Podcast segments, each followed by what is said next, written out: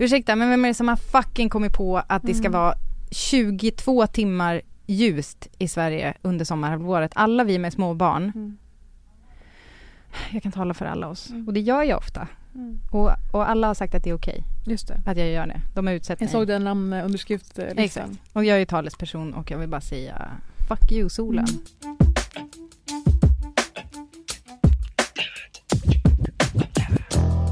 Du lyssnar på avsnitt 128 av Britta och Parisa och den här gången så kommer jag berätta för dig Parisa Mm. och alla som lyssnar om det sannaste jag någonsin har läst om hur kvinnor och kanske fokus på heterosexuella förhåller sig till män och deras känsloliv. Gud vad bra. Ja, det är inte svagt. Inte helt olikt det temat så går jag igenom vad som egentligen hände i riksdagen utan sakfrågor överhuvudtaget egentligen. Utan allt det där som hände som ändå är värt vår tid och ja, våra skratt. Underbart! Det är kris! Underbart! Välkomna! Välkomna!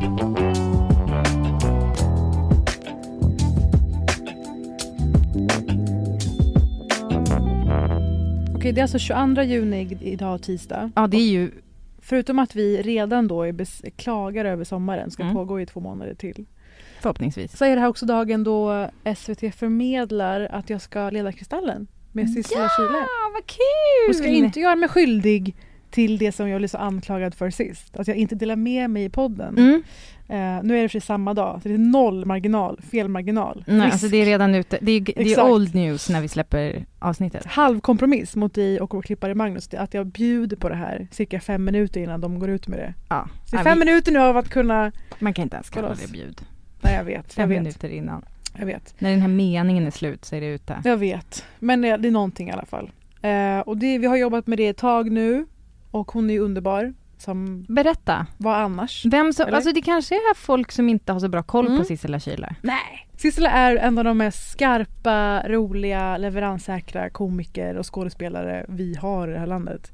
Att se henne bara riffa på någonting i manusrummet är en sån fröjd. Jag känner mig välsignad varje gång. Hoppas hon hör det här. Eh, så det ska bli underbart, speciellt det här tv-året. Men får jag säga det? Rekordåret 2020 till 2021.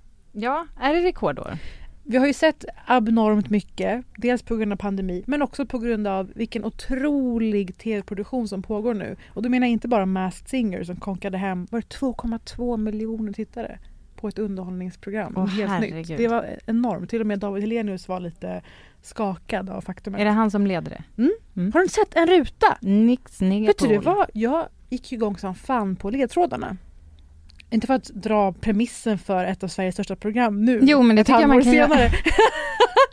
men det är ju, man ska gissa sig fram. Och det är inte bara musiknumren som jag tror är lite till mer för yngre personer. Till det ledtrådsklipp.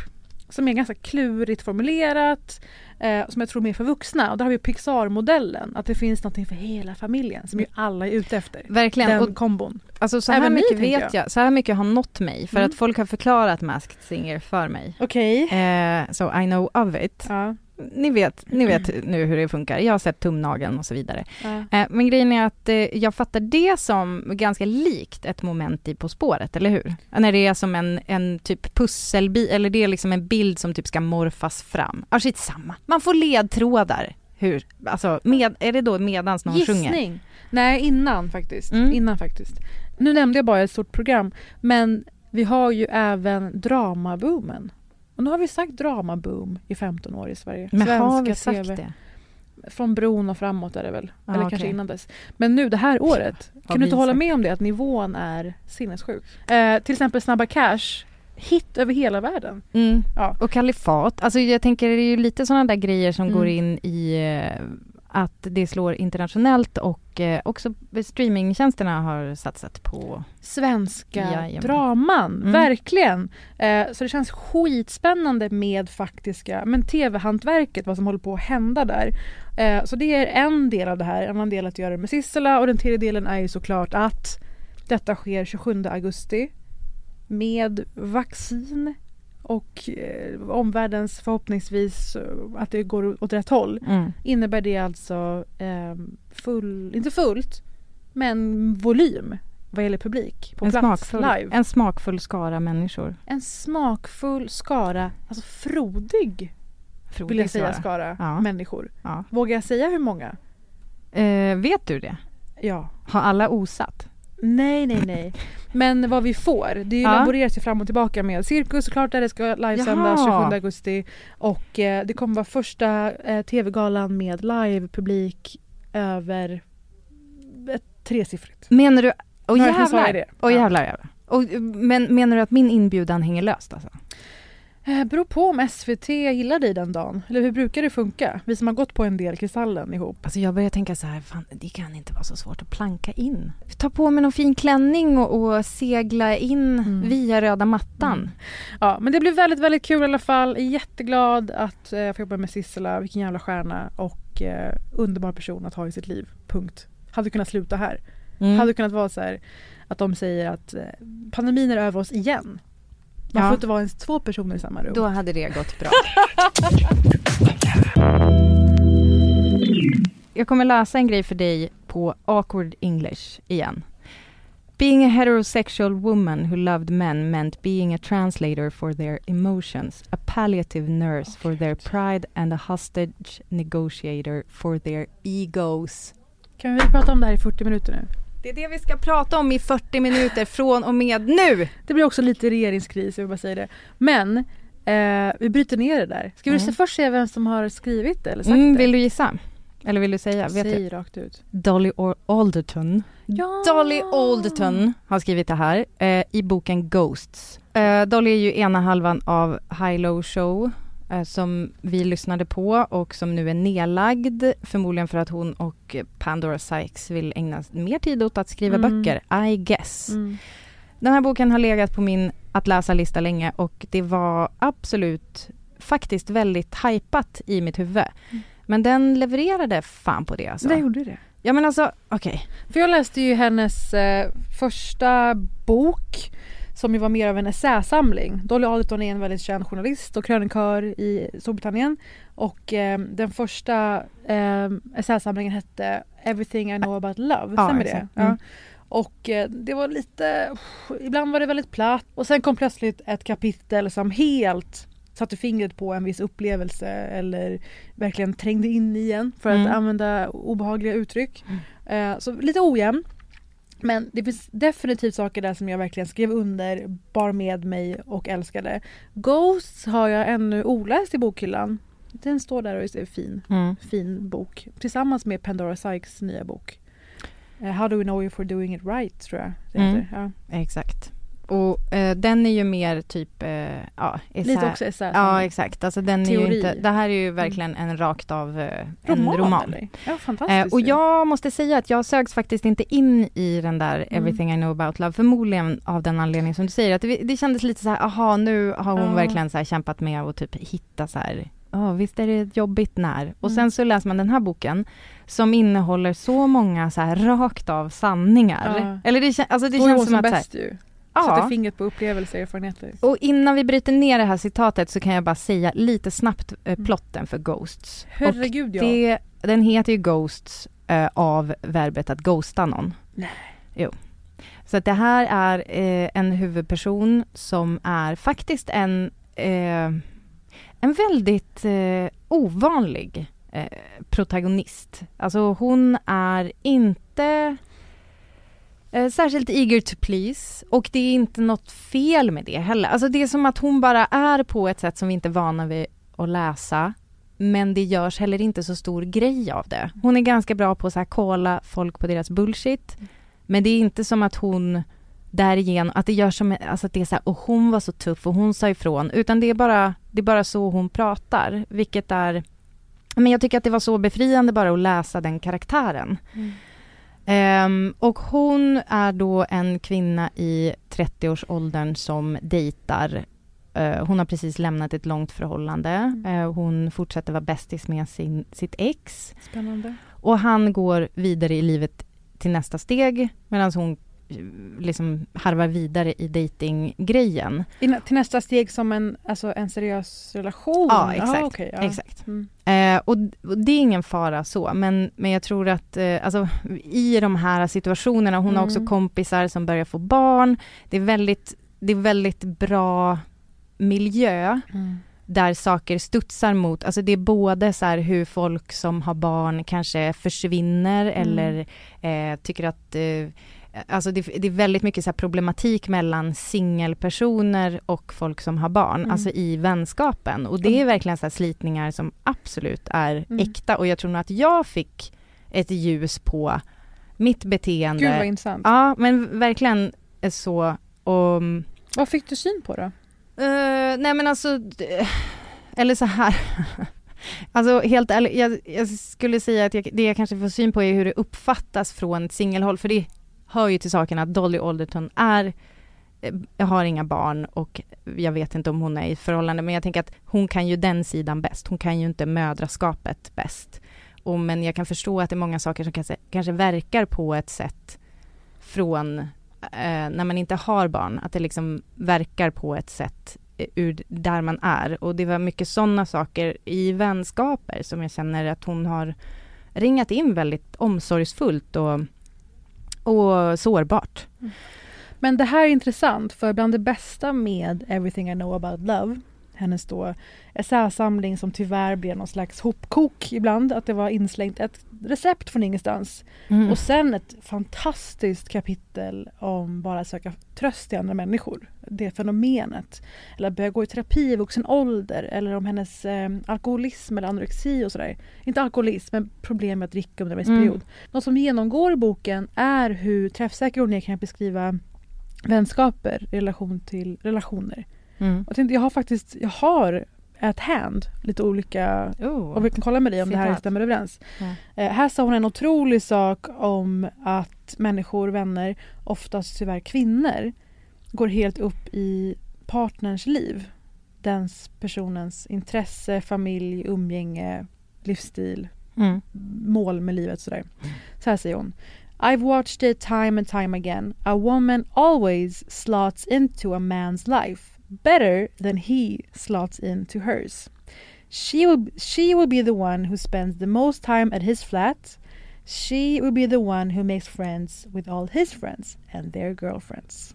Och det är ju någonting om att det är så lätt att förneka sina egna intressen och bara kom, gå med på att men klart vi gör det. Och ja, vara snäll och behaglig. Ja, särskilt när man fostras till att vara socialt lim. Mm. Absolut. Och på tal om fostras, här kommer också en hård sanning. Your best friends will abandon you for men. It will be a long and slow goodbye, but make your peace with it and make some new friends. det var så pass bra att jag har den. Ja, så pass snabbt kan jag fånga upp den. Så pass snabbt ja. har du den Men där. vad spännande, vad glad jag blir att höra det. För då blir jag ju mer peppad att läsa den boken jag har liggande hemma. Mm. Och den är, alltså inte bara för att den är bra. Nej men alltså den är, den är verkligen eh, den känns relevant, den är, den är relevant, den, är, den känns sann. Mm. Och den, eh, det känns som att det finns nya saker mm. att upptäcka. Alltså mycket så här, aha, mm. typ, fan vad bra formulerat och sådär.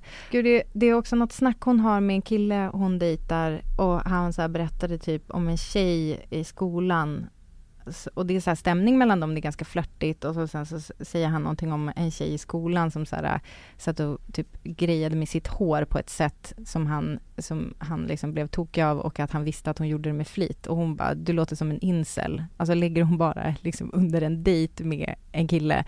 Och, och sen, fast sen så fortsätter de, alltså det är inte som att hon bara, du låter som en incel, hej då, utan hon bara, där sa du den grejen, alltså smack, förstår du hur jag menar? Alltså det är som intressant med den typen av karaktär som bara, jag, och som inte är rädd för att skapa obekväm stämning, men det, och boken gör heller inte en grej av det. Mm. Alltså då, det sen går det bara som, vidare. Ja, hon bara lägger den strösslat. och sen går det vidare liksom. Alltså för i verkliga livet så är det där sånt som kommer och går. Alltså en, i en film så är det där något som händer och sen blir det en dramatisk vändning på det och sen går man vidare. Det här är ju sånt som Exakt. man bara mellan lager råkar på. Ja, och det är jättebra dialog. Eh, ibland kan jag bli ganska störd av dåligt skriven dialog. Alltså mm. just sådär, man tar inte tag i alla saker som någon säger. Vissa saker sägs kanske lite så här eh, under under Sally- breath. Typ. Som Sally Rooney är så bra på att göra, Mm. normal people och conversations Och den är inte, alltså den är inte helt, eh, jag tror inte man kommer Mm. hata den här om man gillar Sally Rooney. Mm. Så kan jag säga. Eh, det som, det som, nu ska vi se här, vad var jag på Jag väg från en sak. Mm. Jag blir också glad att höra att den är så relevant och angelägen och träffsäker. För att ibland när jag ser premissen till en samtida roman, att den handlar om typ datinglivet i 30-årsåldern, digitala eran, Mm. blir jag så himla trött. Ja, Platt och ointresserad. men det Det kan så ju platt. också, Men då är det så att hon har, hon har fyllt det med liv. Det sätt. kan ju också vara så att om du skulle läsa den här, att du bara nej, jag vet, för jag vet ju ingenting om det här. Det är bara det att jag litar ganska mycket på Dolly, för hon har ju själv varit där. Ja, Men då liksom. känns det som att hon inte gör det utifrån en position av vad spännande att fantisera om den här världen. Nej, utan exakt. snarare, det är något som alla annat. Det är som att smsa 90, 94. Ja. Kunde man smsa då? Jag har ingen aning. Mm. Och- Kunde man det? Eh, Nej, det vet jag inte. Ehm, och det, det som du sa precis, det där med Mm. att eh, tjejer liksom slukas in i grejer och killar eh, inte på samma sätt. Det är ett tema som kommer upp i boken Mm. eh, mellan ett gift par.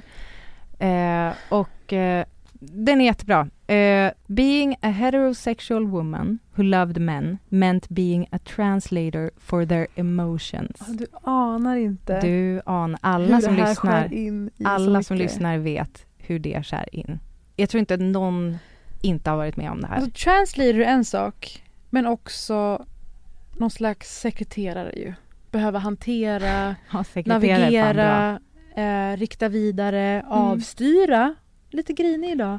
För att man själv lärt sig att man aldrig får låta ens humör, sinnesstämning gå ut över en stämning. Det, ett umgänge. vet du vad? Det kommer nog. Nu kommer nästa grej. Mm. Så vi har a translator for their emotions. Nästa. A palliative nurse for Mm. their pride. Alltså Mm. palliativ vård är ju livsuppehållande. Alltså det är ju liksom i typ slutet av livet. Men En det är ju liksom för att förlänga livet. En ändå. döende människa ska få ett Ja. eh, humant slutskede på något sätt. Ja, och jag tänker då att med, eh, när det handlar om Pride, att, det, att man liksom då typ livsuppehåller Mm. deras stolthet. Gud vad spännande. Alltså det, bara den där meningen i sig sätter henne i David Sedaris, Z.D. Smith-trakter på ett sätt som hon inte har riktigt varit i närheten av innan tror jag. Exakt. Det är väldigt starkt alltså. Det är så jävla starkt. Och sen sista, and a hostage negotiator for their egos. Jag ser det som att alla de här eh, meningarna Mm. syftar ju till någon slags medberoende. Mm. Alltså att, och, och det är den här klassiken med att sätta en tjej på varannan plats vid matbordet på förskolan för att killarna är så stökiga och då kan tjejerna eh, du, du vet att det finns ju i sådana där rapporter om jämställdhetsdagis att det är till och med så att tjejerna håller på att tolka killarna redan då, alltså typ han vill ha mjölk fast han bara oh man, typ så. Eh, och den grejen eh, tror jag sätter, alltså tror jag, unik person som kommer till den här slutsatsen. Nej men det sätter ju en massa mönster som vi upprätthåller hela våra jävla liv och det är så på arbetsplatser att det är ofta att eh, liksom kvinnliga medarbetare eh, håller på och tolkar och förstår Mm. och, och ger förklaringar till någon person som kanske inte ens själv kan Attribut förklara. till, alltså svar till händelser och personer. Medan det finns utsvävande, utlevande människor som bara agerar på egen drift och egna infall. Mm. Det här känner jag. Det här är, Mm. och Och, så, och det måste ut. Och så ska du ta hand om det. Exakt. Och där står vi och möjliggör de situationerna. Det har jag gjort hela mitt liv kan jag säga. jag har knappt gjort något annat. Nej. Ja.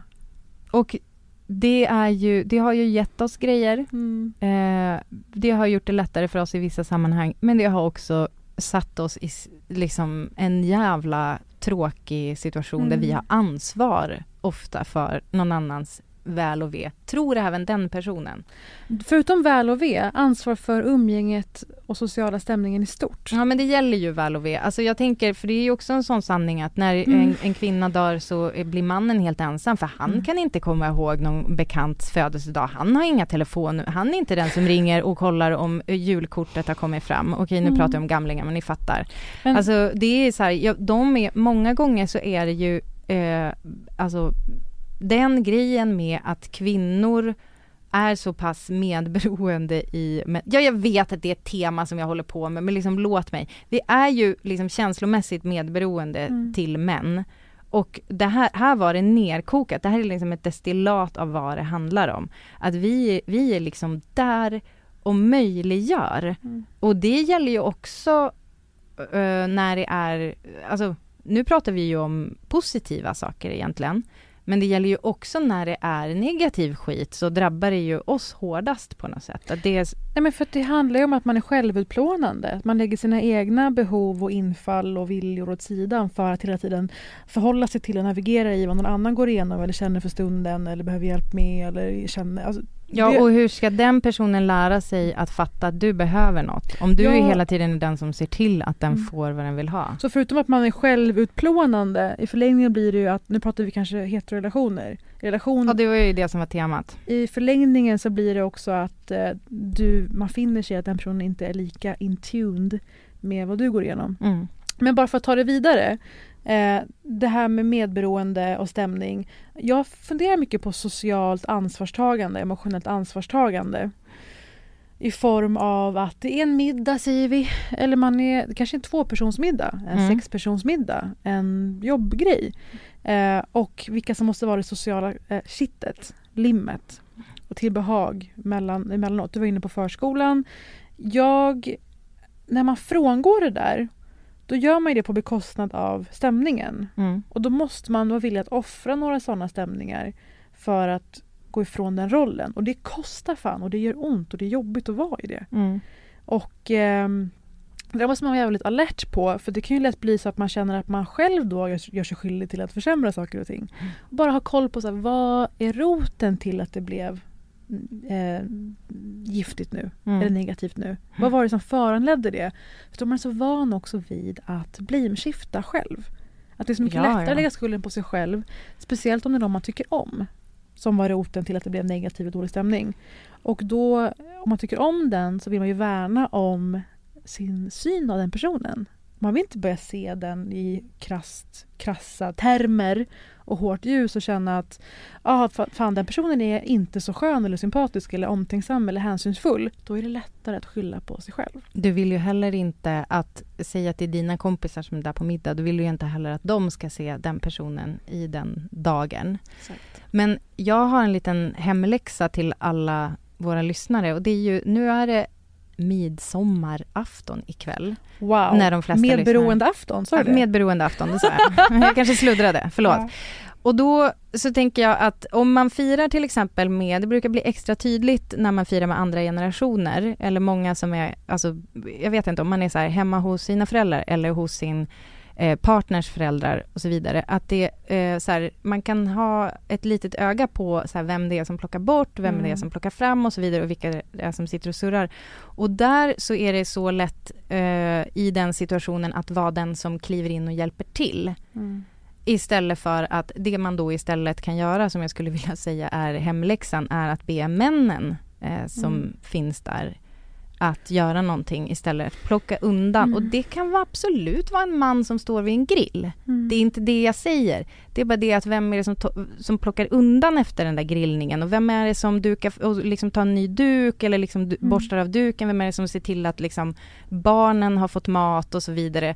Där är det oftast, alltså jag har, vet när jag tänker på alla högtider och jag tror att vi har pratat om det här tidigare, men det är ju Mm. ganska lätt att se, och i liksom med alla killar jag har varit ihop med typ, så är den där mamman som kutar runt och Mm. knappt sitter ner. Mm. Och, och den, jag tänkte man kan väl liksom värna lite om henne och typ sin egen, sitt eget medberoende och försöka ta med sig den där tantan på ett glas typ Mm. medan man alla andra får göra. Och en annan grej med medberoendeafton, som det numera heter. Ja. Skriv in det i era kalendrar. Ring vem ni vill. Lös det bara. Ring riksdagen. Eh, en annan grej om medberoendeafton, utöver det här praktiska och hit och dit. Stämning återigen. När samtalet obönhörligen glider in på känsliga politiska eh, frågor med mycket sprängkraft. Mm. Vilket det tenderar att göra när släkten är samlad. Olika generationer, man har olika bakgrund och sådär. Eh, medberoende afton innebär ju att vissa personer kommer konsekvent gång på gång vara villiga att offra stämningen bara för att få höra sig själva säga obehagliga saker. Mm. Göra poänger som ingen i rummet inte visste om att den personen hade. Eller värderingar som den personen hade. Mm. Och eh, det här kommer ju kosta på dels i form av att det blir dålig stämning i stunden vilket vi är olika känsliga för som människor. Jag är ganska känslig för det. Alltså vad gäller när det är frågor med sån laddning. Mm. Vi pratar ju feminism eller rasism. Och eh, en annan grej med medberoende afton är att det kommer finnas någon i rummet som kanske tar eh, än mer illa upp än att bara hypotetiskt vilken konstig åsikt. För att det kanske blir personligt för den personen om den besitter sig annan bakgrund än svensk. Om den personen är den som känner sig utpekad eller extra utsatt av uttalanden. Då kan man försöka byta samtalsämne. Man kan försöka säga, vad är det våra vanliga sägningar? Jag blir obekväm när du pratar sådär Mm. inför mig. Jag skulle jättegärna vilja att vi hade trevligt ikväll och kunde prata om andra saker. Mm. Ha, ladda mera go-tos. För det är en lång helg hörni. Den här sägningen, jag blir obekväm när du säger sådär, den är så bra för att den, det är jag blir obekväm. Mm. Det, om det finns en person i rummet som jag tänker skulle ta illa vid sig, det spelar ingen roll, utan jag som sitter här som Mm. också är typ, inte vet jag, din, din vita medberoende, eh, kan säga, kan ta den, Mm. brösta den liksom och säga det, så slipper den Mm. som det faktiskt kanske Ja. drabbar göra det själv. Säg absolut inte den blir obekväm för att du säger sådär. Så Precis. då känner den sig jätteutsatt. Ja. Och absolut inte härröra, det där är fel att säga så. För då lägger du det på en nivå som blir abstrakt. Vad är rätt och fel? Exakt. och Jag blir blir obekväm, det kan du äga och Mm. det ska ingen lägga sig i. Ja, alltså nu, ju mer jag tänker på det, desto bättre känner jag att det är. Just den här grejen med ehm, att bara plocka eh, de medberoende ur situationen. Alltså typ så här, nu gör vi något annat, kom vi Mm. byter scen och så får ni ta hand om det som blir kvar. För det är också en grej medberoendet, det sämsta man kan göra, om man pratar typ om knark, det sämsta man kan göra är ju att fortsätta städa runt den som knarkar Mm. så att den aldrig får några konsekvenser för sitt beteende. Mm. Om det är så här, tack och hej, nu gick vi för det blev för obehagligt. Du får stanna här, tänka på vad fan du har gjort. Otroligt inlägg till eh, hashtag BP bokklubb. Ja, Som ju vår bokklubb heter på internet men också på något sätt i talat språk. Att Ja, det är en hashtag med i namnet. Det har blivit det. Att ta en mening så här ur en roman och diskutera, det måste vi göra oftare. Men och, alltså, du fattar ju att det finns fler. Eh, alltså det finns, den är Ja, strösslad. Ja, Nej men jag men menar, starkt. jag Ja. menar, och du fattar ju att den är ju strösslad Mm. med fler av den, den här Kalibern. ja. kalibern, exakt. Det Eh, lät som du sa, det finns fler meningar. Mm. Om ni har missat det så var det alltså Ghosts av Dolly Alderton och nu håller jag på och läser Promising Young Women. Filmen alltså med Carrie Mulligan, gjord av Emerald Fennell. Hennes regi och manusdebut vann en Oscar. Det är ingen grej för manus, obs. Och eh, den finns att se på svensk bio skulle jag tro. Men den här boken är något annat alltså. Den här boken, det var bara ett sidospår. Den här boken är skriven av Caroline O'Donoghue och den handlar om en tjej på en reklambyrå som, alltså det handlar typ om eh, maktspelet Mm. och, Mm. eh, och, och det, den, är, den är också otro, den är liksom sådär också träffsäkert skriven, eller lite lik Ghosts. Alltså jag har lite svårt att hålla isär dem i huvudet. Um, så den är otroligt lovande. Och den finns faktiskt att lyssna på, bra inläsning på Storytel. Men hallå, nu la jag till den på Momangen på Goodreads, mitt hem på internet. Och där jämför de den med inte bara Conversations with Friends, alltså romanen av Sally Rooney som vi har pratat så mycket om, men även fans av Fleabag och Search Party. Mm. Det är ett gott betyg. Mm. Och att det handlar om Being a young woman in a man's world. A darkly witty novel about sex, power and work. Mm. Sign me up. Vad bra det låter.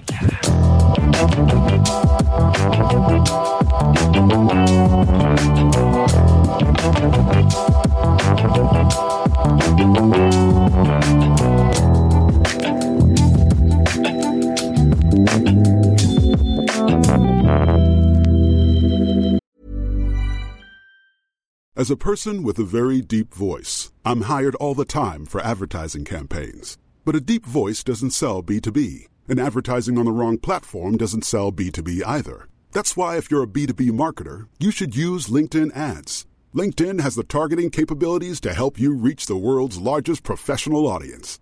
That's right. Over 70 million decision makers all in one place. All the big wigs, then medium wigs. Also small wigs who are on the path to becoming big wigs.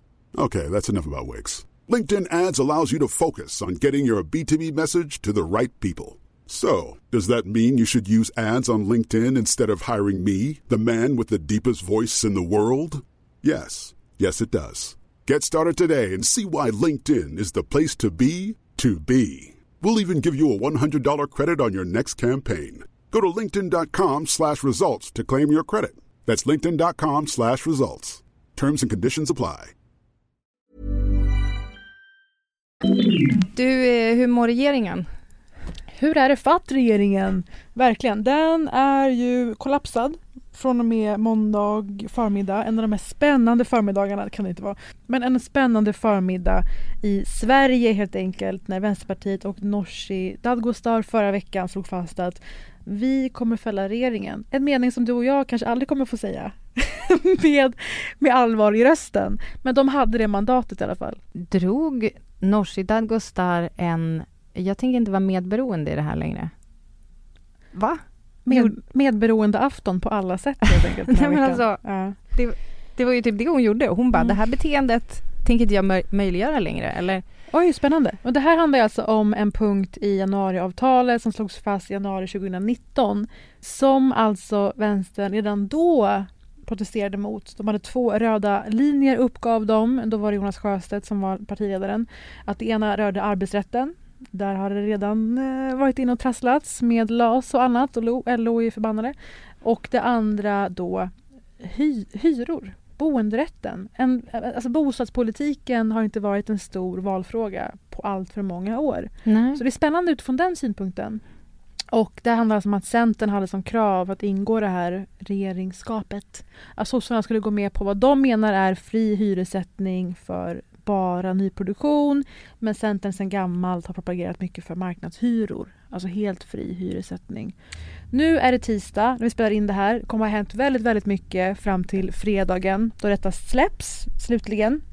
Eh, några grejer från den här dagen är ju hur otroligt spännande det var att följa SVT Forum just den här dagen. Mm. Du kanske har hört lite snippets på radion eller sådär, de bästa Mm. sägen. Ja, exakt. Det Nooshi slog fast var att det enda vi har gjort är att vi har hållit vårt ord och gjort vad vår politik säger att vi gör.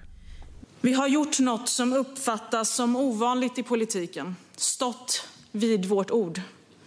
Detta tycks de senaste dagarna ha överraskat regeringens företrädare.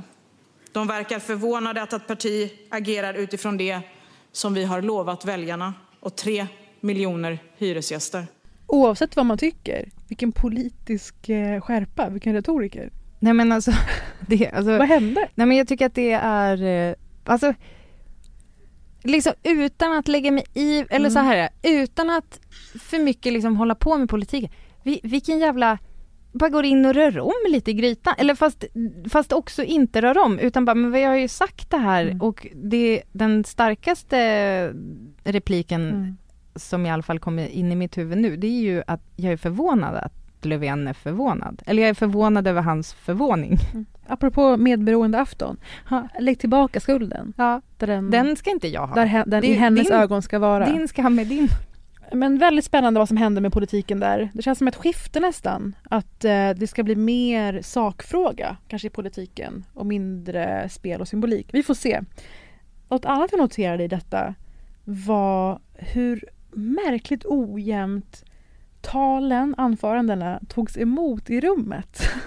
Eh, Jaha, vad kul. Alltså hur publikens eh, ja, rassel eller vad man ska säga. och eh, mest, den mest eh, speciella tystnaden var den efter Ebba Busch som höll någon slags mellanting mellan ett förslag till en ny nationalsång och ett politiskt tal. Där Ulf Kristersson och kompani var mer sakfrågeorienterade. Stod och sa rakt upp och ner att vi kommer vilja avsätta Stefan Löfven för att vi håller inte med honom i det här. Arbetslösheten, dödsskjutningarna, de hade sina sakfrågor de pekade på som motivation till att ändra det här. Så gick Ebba Busch upp och mer eller mindre sa För jag vill leva, jag vill dö i... Du har sett det här? Norden.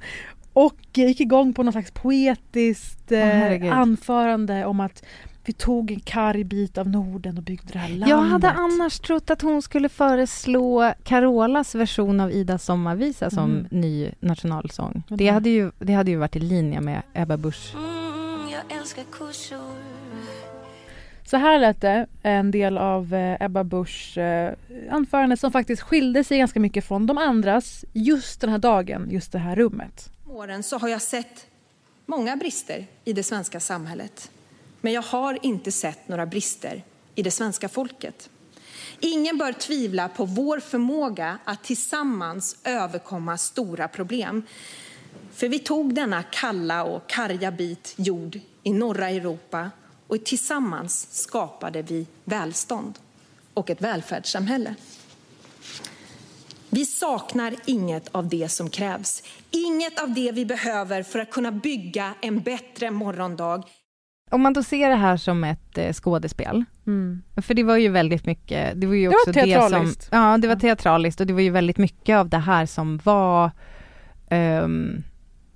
det handlade om att eh, kanske jobba mer långsiktigt och titta på att vinna opinion eller liksom vin, Mm. vinna väljarstöd.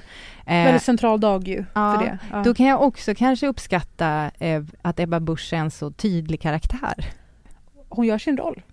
Verkligen. Är det Prussiluskan? Och bara innan jag spelar upp hur det lät efter Ebbas, så här lät det efter Ulf Kristerssons. Tack. Spridda skurar. Ja. Och så efter Jimmy Åkesson lät det så här. Tack herr talman. Det är sällan man får höra en applåd också, nu när man inte har fått se så många. Just det, Mm. det var väldigt många i rummet, vilket många har skämtat om. Att det där var ju fullsatt. Mm. På tal om pandemin. Och eh, då lät det alltså när Ebba Busch gått upp och hållit ett ganska dramatiskt tal. Måste ha känt sig ganska blottad och exponerad. Kom igen Tror nu du- partikamrater. Tror du att hon var mig. rörd själv? Jag tror hon rörde sig själv till tårar. Eh, så här lät det efter Ebbas, enligt sig själv då, starka sig. Tillsammans kan vi bygga ett Sverige som fungerar, ett Sverige du kan lita på. Låt idag bli ett första steg på den resan. Tack. Tack. Vet du vad det där är? Det där, alltså det där är det nya, alltså typ sick burn. Alltså, Andreas ja. Alltså talmannen Andreas Norlén. Hans perfekta inandning och att micken är lite för nära, lite på alltså det är en inandning men det är också en suck. Tack. I guess. Och eh, det andra intressanta med Ebba Buschs anförande i den här skaran var att eh, kanske var talskrivare Mauro Scocco. För genomgående nästan snodde rakt av. En sång för alla dem Mm. Som Inte att någon att dela sin glädje Ge oss sorg med, välj KD nästa gång. Så där kunde det ha varit. Så var det inte. Men däremot skamlöst stjäla eller parafrasera en väldigt populär svensk låt som någon slags politisk kamp. Det handlar istället om de förbisedda svenskarna. Alla de som drabbats av Stefan Löfvens bristande ledarskap. Till alla de förbisedda som väntar i vårdköerna. Till alla de förbisedda som drabbats av eller oroar sig för skenande kriminalitet. Till de 500 000 som förgäves söker efter jobb. Ska vi inte lägga på Mauro Scoccos För de ensamma? Magnus, du kan ju lägga det liksom lite i bakgrunden medan hon fortsätter. Sommarens stora hit, courtesy Ebba Busch. Och Just det, Mauro Scocco.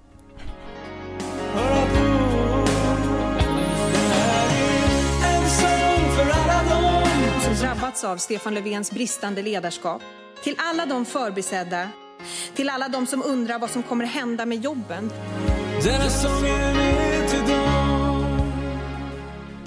Alltså jag, jag tänkte när jag följde det här med halva örat kan vi säga, men alltså det var, jag var ju också besatt, alltså jag satt typ i så här möte och typ liksom halvlyssnade för det, det är ju som, det, det är ju ganska, alltså är jag sjuk i huvudet för att jag tycker det är lite kul att det händer något. Alltså jag vet att det är också en kris, men det är också, alltså det är lite kul. Kanske kul att det händer någonting och att man kanske känner i och med att vi haft ett antal kriser de senaste åren, krisavtrubbningen. Att man inte längre är orolig för hur ska det gå utan De löser det här säkert. Ligger inte det som någon slags trygg värme under den här kriskänslan? Det är lite som att vara i en relation som går på sparlåga och Mm. kanske starta ett bråk så man kan ha makeup sex efter. Bra tröst till re- regeringskansliet om ni hör den här podden. Att det här är ingen det regeringskris, det här är bara piska upp lite toxisk energi i det här dysfunktionella förhållandet med de andra partierna. Det som jag kände när jag följde det var i alla fall att eh, det är väldigt tydligt att eh, det är så otroligt svårt att få politiker Mm. och jag har ju också varit och du har ju också varit i situationer där man har intervjuat politiker Mm. Ehm, och eh, det är så väldigt, väldigt svårt att få dem att verkligen så här, tala från eh, hjärtat, låter larvigt, alltså jag menar kanske mer bara från sin egen person. Mm. Alltså att det är så här, ja, jag är en riktig människa som står Mm. här, det är liksom inte en robot som, eh, som har memorerat vad det står i vår, liksom, eh, vad vi har kommit överens om på kansliet och Mm. sen så står jag och säger det eh, för att jag är skilt personen utåt, utan att faktiskt, att det faktiskt är en människa och sen vet jag att man ska, man för ju såklart inte sin egen talan utan det är ju partiets men jag tycker att eh, vi i Sverige, att det känns så himla så spel för gallerierna, den här Mm. typen av grej. Så det är väl också därför jag går igång på det, alltså att det händer något, för att det händer något lite oväntat, för att det alltid är så polerat och för att det alltid är eh, väldigt, eh, allting är liksom diplomatiskt och så vidare. Och sen kanske jag också tycker att det är kul att det för en gångs skull är då Vänsterpartiet som står för det, för att det tidigare är liksom, Sverigedemokraterna är ju de enda som har rört om i grytan. Alla andra håller sig liksom någorlunda till, liksom, ja, det är ju inte spel, det är ingen som har brutit mot några spelregler, men att det ändå är eh, liksom väldigt eh, polerat, budskapen är väldigt polerade och sådär. Och eh, det var, kändes kanske lite kul med nå, lite mer cowboy-stil här på något sätt. Cowboykrisen. Det är så den kommer att heta Mm. från och med nu. Dokumentären på Peter Dokumentär på Mm. måndag säkert. Ja, det kommer. De är snabba. Men real talk, vad gör du denna medberoende afton? Nej, men- Ikväll när det här släpps då?